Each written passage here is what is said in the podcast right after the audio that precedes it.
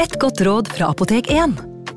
Nå er snart pollensesongen i gang, og et godt råd til deg som sliter med pollenallergi, er å begynne behandlingen i god tid før allergisesongen starter. Da får du nemlig enda bedre effekt av legemidlene, og så blir ikke våren din helt ødelagt. Kom innom og få råd på ditt nærmeste Apotek 1, eller chat med oss på apotek1.no. Apotek 1 vår kunnskap, din trygghet.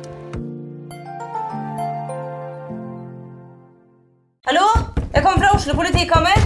Ine Jansen er purk. Er du purk? The motherfucking bitch. Alt jeg vil, er å finne ut hva som skjedde med mannen min. Jon Carew. Er jeg sikta for noe? Iben Akeli. Det er du. Ole So, Lars Berrum og Big Daddy Karsten. Hvem sin side er du på, egentlig? Anette Hoff, Tone Danielsen, Kommer du fra Afrika? Jørnis Josef, Nesten kløfta. Trond Espen Seim, Det er synd å si det, men det var feil mann som døde. Purk. Premiere tirsdag på TV2 Play. Ungsamtalen fra DNB er økonomisk veiledning tilpasset deg som er ung. Bokk en ungsamtale på dnb.no. slash ung. Det er kjempebra hvis du skal inn på boligmarkedet, hvis det er drømmen din, liksom. Det er det du skulle sagt. Og så kunne du ropt litt mer, da, sånn som jeg gjorde. Bam! Advarsel. Historiene vi forteller i denne podkasten kan være fiktive og avvike fra den opprinnelige historien av dramaturgiske årsaker. Meninger og påstander i historiene reflekterer nødvendigvis ikke programledernes meninger eller virkeligheten.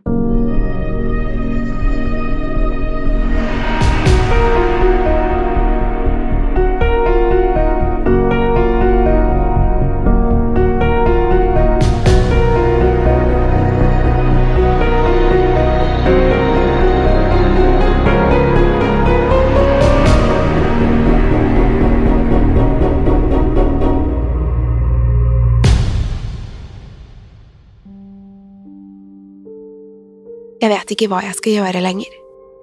Alt jeg har opplevd i løpet av den siste uken, har forandret meg fullstendig. Jeg vet ikke engang om det er ekte, selv om jeg har sett det med mine egne øyne. Jeg har sett forferdelige ting som jeg kun trodde jeg ville støte på i mine verste mareritt. Jeg skal prøve å forklare så godt jeg kan. Kanskje er det noen der ute som har hatt en lignende opplevelse? Hvis ikke må jeg kanskje bare innse at jeg begynner å bli gal. Hele livet mitt har jeg vært en rasjonell person, og jeg har kun forholdt meg til det jeg selv kan se og høre. Men det jeg så i går kveld, hører ikke hjemme i vår virkelighet. Vær litt tålmodig, så skal jeg prøve å forklare alt sammen. Jeg burde kanskje begynne med å introdusere meg selv. Mitt navn er Magnus, og jeg nærmer meg slutten av 20-årene. Jeg jobbet som advokat og bor for meg selv i et lite hus i en stille og rolig del av byen. Jeg flyttet inn for et par år siden, og det har endelig begynt å føles som et hjem. Men de merkelige hendelsene skulle forandre alt. For en snau måned siden våknet jeg midt på natten til lyden av at noe ble revet i stykker. Det tok et par sekunder, men da jeg klarte å samle tankene, skjønte jeg hva som foregikk.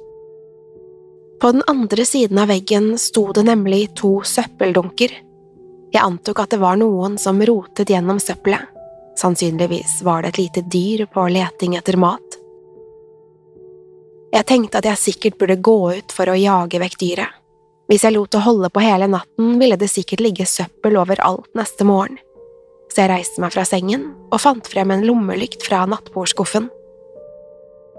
Halvveis i søvne sjanglet jeg ut av soverommet. Derfra fant jeg veien til skyvedøren som ledet ut i hagen.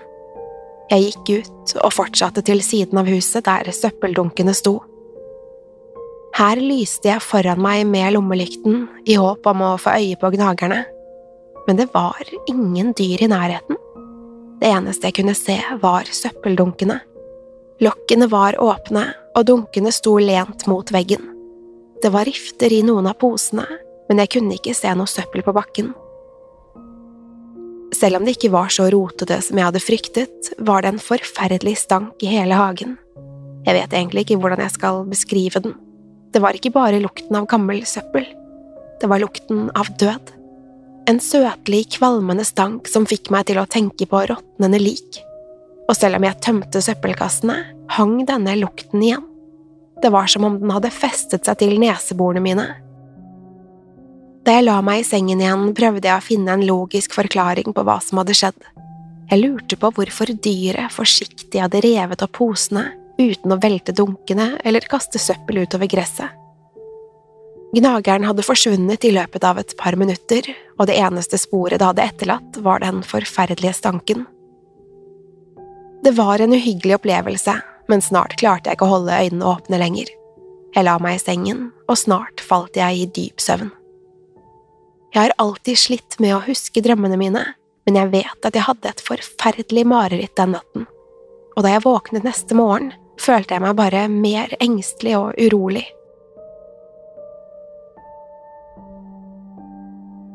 Hele den neste uken sov jeg rolig og fredelig. Jeg ble iallfall ikke vekket av noen lyder utenfor huset. Tirsdag kveld rullet jeg søppeldunkene til fortauskanten, men innså at lukten ikke forsvant.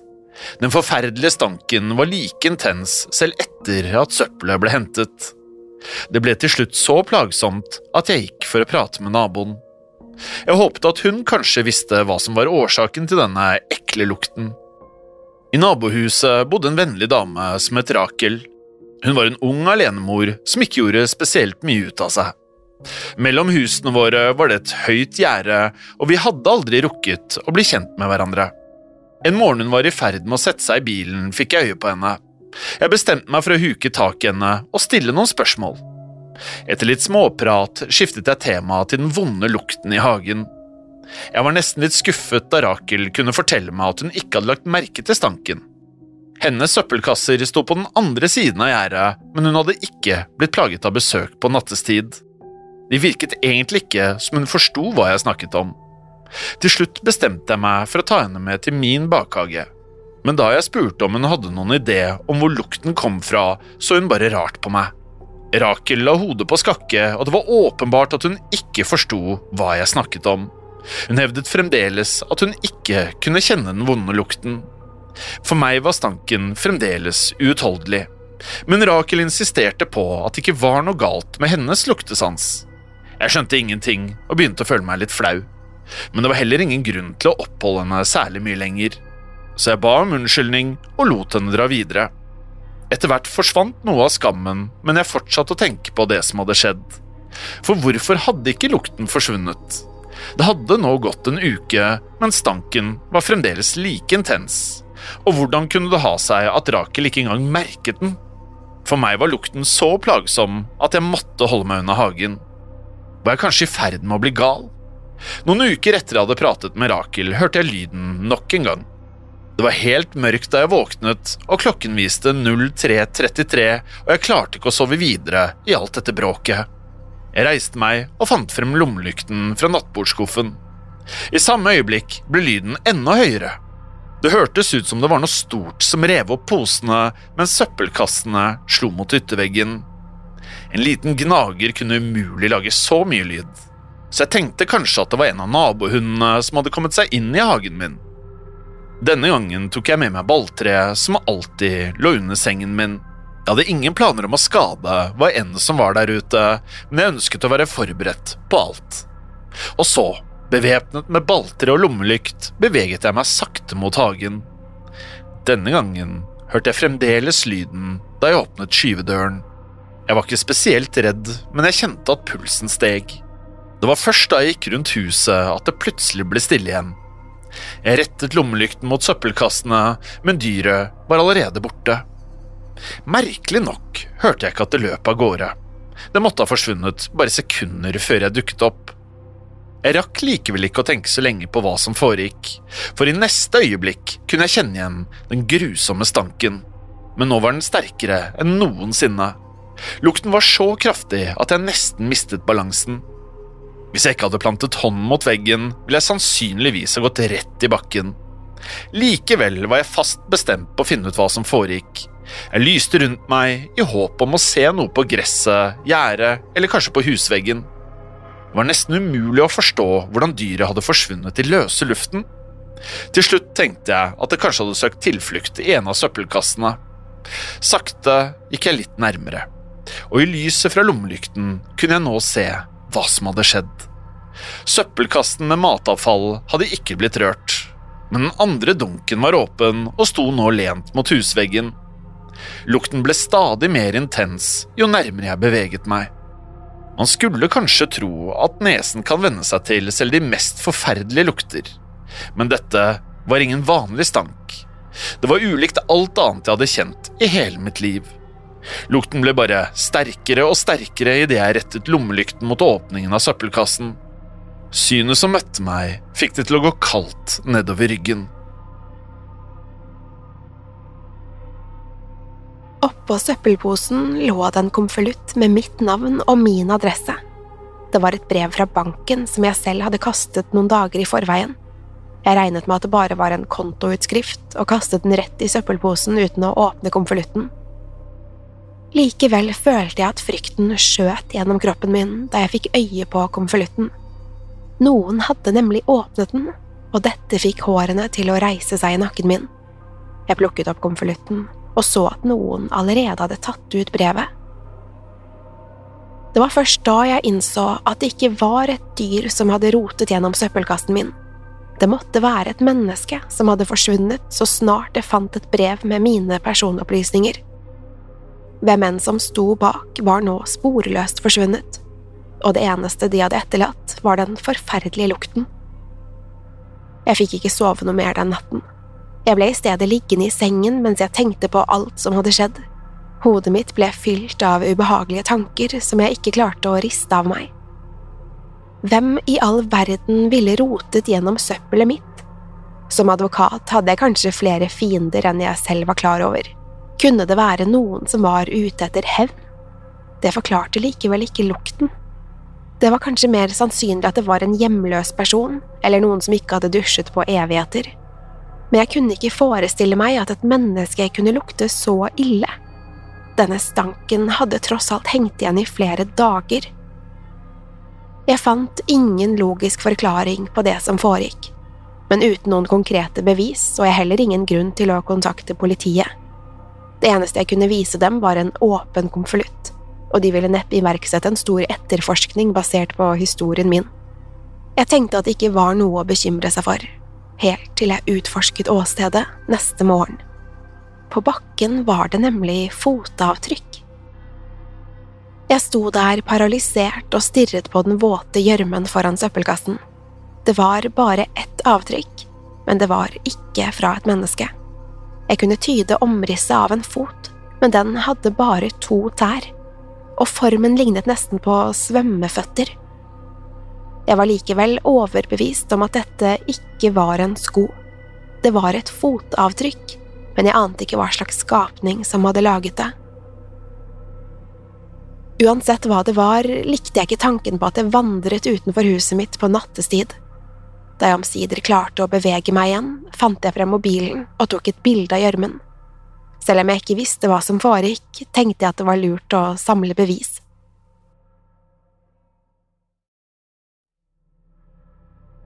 Jeg hørte ikke noe de neste kveldene, men jeg sov likevel dårlig.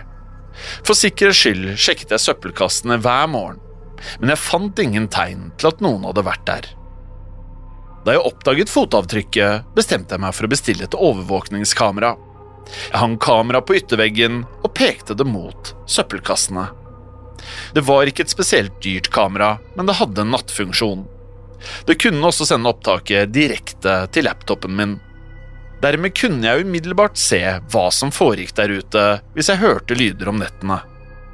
Det var god kvalitet på videoen, men kameraet hadde ingen mikrofon. Jeg var riktignok kun opptatt av å se hva det var som rotet gjennom søppelkassene. Det måtte jo være et menneske, for ville dyr er jo ikke ute etter dokumenter med personopplysninger. Og hvis det skulle bestemme seg for å returnere, ville jeg i hvert fall ha noe å vise til politiet. Etter jeg monterte kameraet, gikk det over en uke før det skjedde noe. Det var først for et par dager siden at jeg igjen ble vekket av lydene. Jeg hørte et smell mot veggen og skjønte med en gang hva som foregikk. Det var lyden av søppelkassen som dunket inn i ytterveggen. Jeg kjente umiddelbart igjen lyden, men smellet var enda kraftigere enn tidligere. Jeg hørte at det var noen der ute.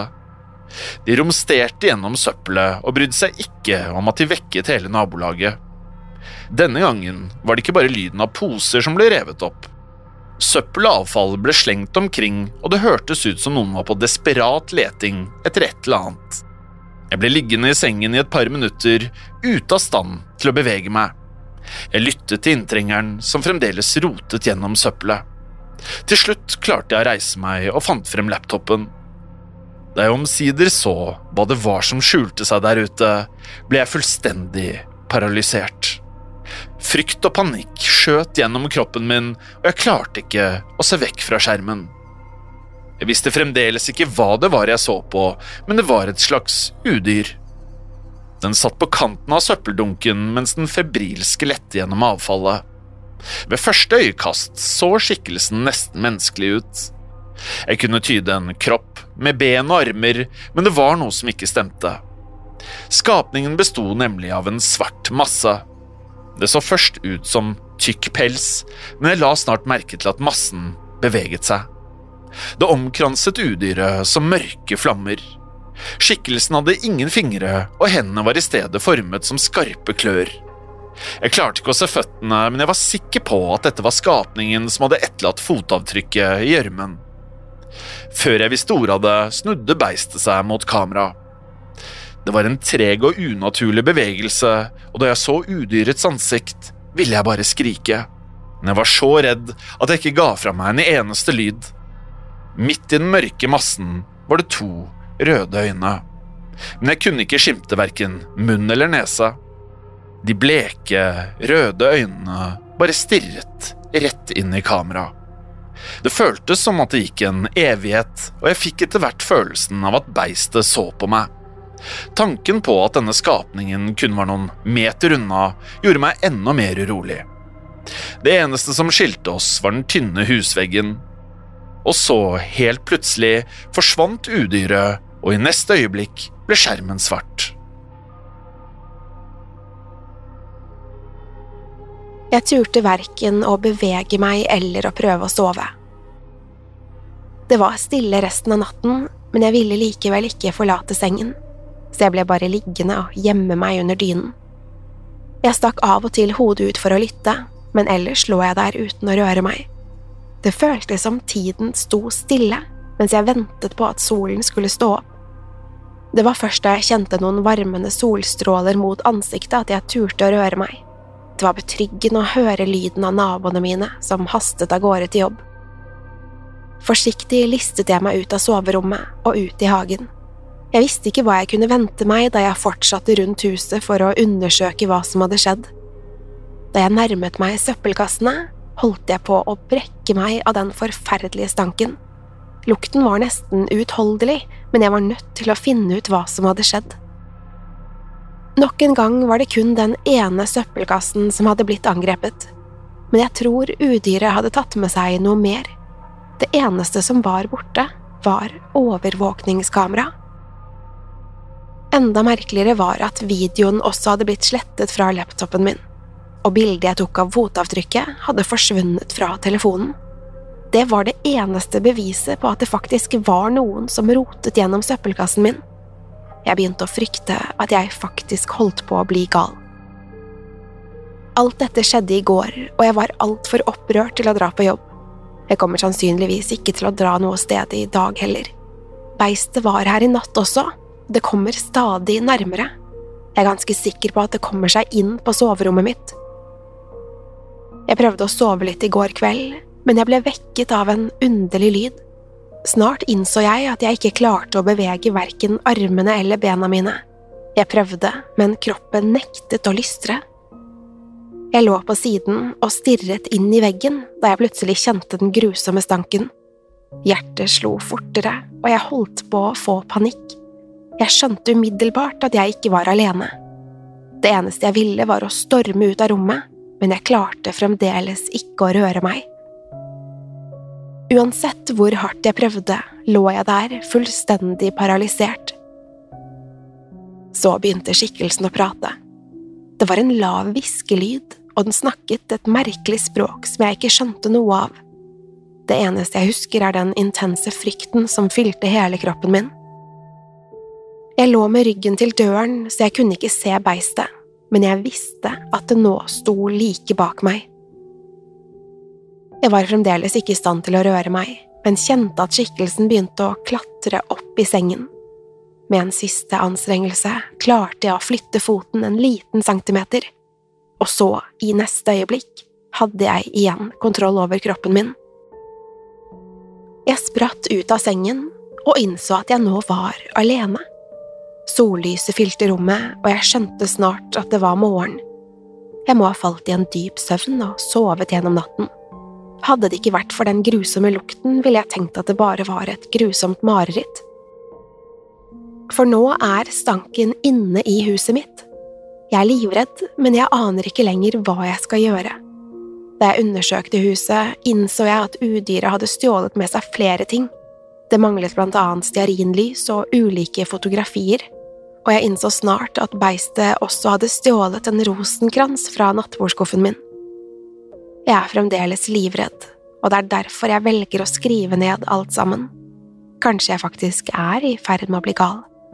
Jeg tenkte først at det hele kanskje var en psykose eller en ekstrem form for søvnparalyse, men alt føles så ekte. Derfor tenker jeg at det må være en overnaturlig forklaring. Kanskje det er en slags demon som hjemsøker meg? Jeg er i hvert fall overbevist om at jeg ikke har noen planer om å la meg være i fred.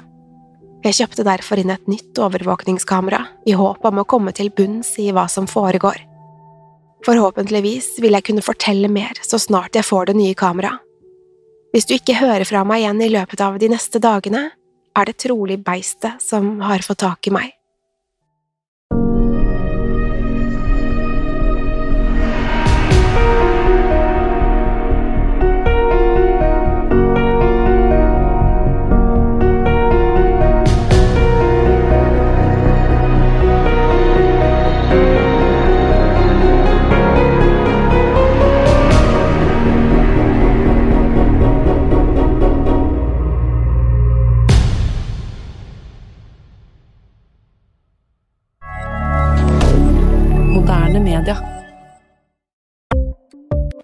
Ukens annonsør er Folio, en smartere banktjeneste for deg som har en egen bedrift eller ønsker å starte for deg selv.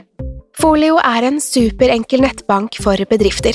Som kunde i Folio får du en bedriftskonto med et bedriftskort og app. I denne appen er det smarte løsninger som forenkler regnskapet ditt, uansett om du har en liten bedrift eller et enkeltpersonsforetak. Folio er både intuitivt og brukervennlig, og er laget med et enkelt språk. I tillegg tilbyr de forutsigbare priser og ingen skjulte gebyrer. Skulle du likevel trenge det, så kan du snakke med deres raske og hyggelige kundeservice, og der får du prate med en faktisk person og ikke en chatbot. Folio er med andre ord både enklere og koseligere enn banken. Over 10 000 bedrifter har allerede valgt Folio som sin banktjeneste, så besøk folio.no og se hvordan Folio kan forenkle din hverdag også. Har du et enkeltpersonforetak eller en liten bedrift? Da er du sikkert lei av å høre meg snakke om hvor enkelt det er med kvitteringer og bilag i fiken, så vi eh, gir oss her, vi. Fordi vi liker enkelt. Fiken superenkelt regnskap. Kiwi er billigst i VGs matbørs og har vært billigst i fire av de fem siste VGs matbørser. Og nå presser vi prisene på frukt og grønnsaker. På 200 gram broccolini setter vi prisen til 24,90. På 400 gram Cevita blåbær setter vi prisen til 49,90. Og husk, alle Kiwi Pluss-kunder får i tillegg 15% trumfbonus på all fersk frukt og grønt. For det er vi som er prispresserne. Og vi i Kiwi gir oss aldri på pris.